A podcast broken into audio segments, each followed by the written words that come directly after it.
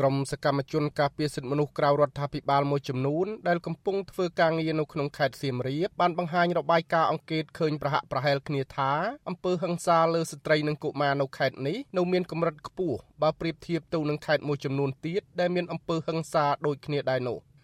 អ្នកស្រីម៉ៅយិនអ្នកសម្របសម្រួលរបស់សមាគមការពារសិទ្ធិមនុស្សអាត់ហុកប្រចាំខេត្តសៀមរាបបានមានប្រសាសន៍កាលពីរសៀលថ្ងៃប្រហ័សទី10ខែមិនិនាថាតាមការអង្កេតពីក្រុមការងាររបស់អ្នកស្រីបានរកឃើញថាអំពើហិង្សាលើស្ត្រីនិងកុមារនៅខេត្តសៀមរាបក្នុងឆ្នាំ2010គឺបានកើនឡើងមិនបានថយចុះទេបើប្រៀបធៀបទៅនឹងឆ្នាំ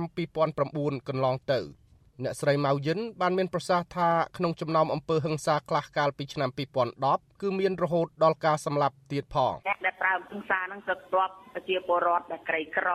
ភាគច្រើន នៅកាជនបត់ក៏មាននៅក្នុងទីក្រុងយើងក៏មានដែរចាហើយបន្ទាប់តែអ្នកចេះដឹងក៏មានពើហិង្សាដែរនៅក្រុងការគេអ្នកចេះដឹងក៏ប៉ុន្តែជាស្វាត្រវឹងចូលទៅគឺហិង្សារបស់ភ័ក្រយ៉ាងវៃយ៉ាងហ្មងរបាយការណ៍របស់សមាគមការពារសិទ្ធិមនុស្សអាត់ហុកខេត្តសៀមរាបដែលវិទ្យុអាស៊ីសេរីទទួលបាន បង្ហាញថាពេញមួយឆ្នាំ2010កន្លងទៅ គឺមានអំពើហិង្សាក្នុងគ្រួសារនិងករណីរំលោភខ្សែសន្តិវៈសរុបចំនួន67ករណីដែលក្នុងករណីទាំងពីរនេះមានជនរងគ្រោះចំនួន2នាក់បានស្លាប់បាត់បង់ជីវិតបើប្រៀបធៀបទៅនឹងរបាយការណ៍ពេញមួយឆ្នាំ2009នៅទូទាំងប្រទេសដែលថាមានការបង្ករបួសស្នាមនៃអំពើហិង្សាក្នុងគ្រួសារចំនួនជាង540ករណី ហើយក្រៅពីការបង្ករបួសស្នាមគេឃើញមានអំពើហិង្សាផ្លូវចិត្តផងដែរដែលភ្នាក់ច្រើនគឺបរិះប្រព្រឹត្តមកលើស្ត្រីដែលជាប្រពន្ធដូចជាការប្រព្រឹត្តអំពើមានស្រីថ្មី ការផឹកស្រា ការចាប់កូនស្រីបង្កើតខ្លួនឯងរំលោភការធ្វើទុកបុកម្នេញលើសាច់ញាតិនិងការមិនផ្គត់ផ្គង់គ្រួសារជាដើម។ ទោះយ៉ាងណាវិទ្យុអាស៊ីសេរីមិនអាចទំនាក់ទំនងមន្ត្រីរដ្ឋាភិបាល ដែលជាអាជ្ញាធរមូលដ្ឋាន ដើម្បីសុំការអធិប្បាយជុំវិញបញ្ហានេះអំពីការផ្ដោតការយកចិត្តទុកដាក់យ៉ាងណាទៅលើស្ថានភាពស្ត្រីនិងកុមារដើម្បីកាត់បន្ថយអំពើហិង្សាទាំងនោះនៅឡើយទេ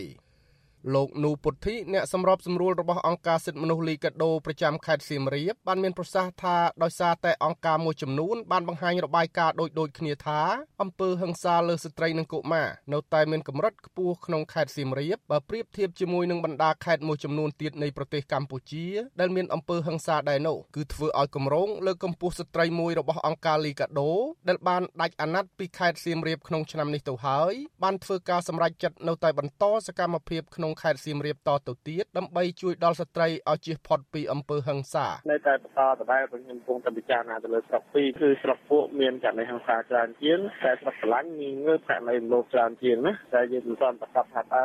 ចាប់យកលើករណីហិង្សាឬមួយក៏ចាប់យកទៅលើករណីខាងមនុស្សសន្តិវៈទៀតអង្គការសិទ្ធិមនុស្សក្រៅរដ្ឋាភិបាលមួយចំនួនទៀតដែលកំពុងធ្វើការនៅក្នុងតំបន់ដូចគ្នានេះបានរកឃើញថាប្រភពនៃអំពើហិង្សាបានកើតចេញភាគច្រើនពីបុរសដែលទៅមានស្រីថ្មីបណ្ដាលមកពីការសេពគ្រឿងស្រវឹងនិងកើតចេញពីការប្រច័ណ្ឌជាដើម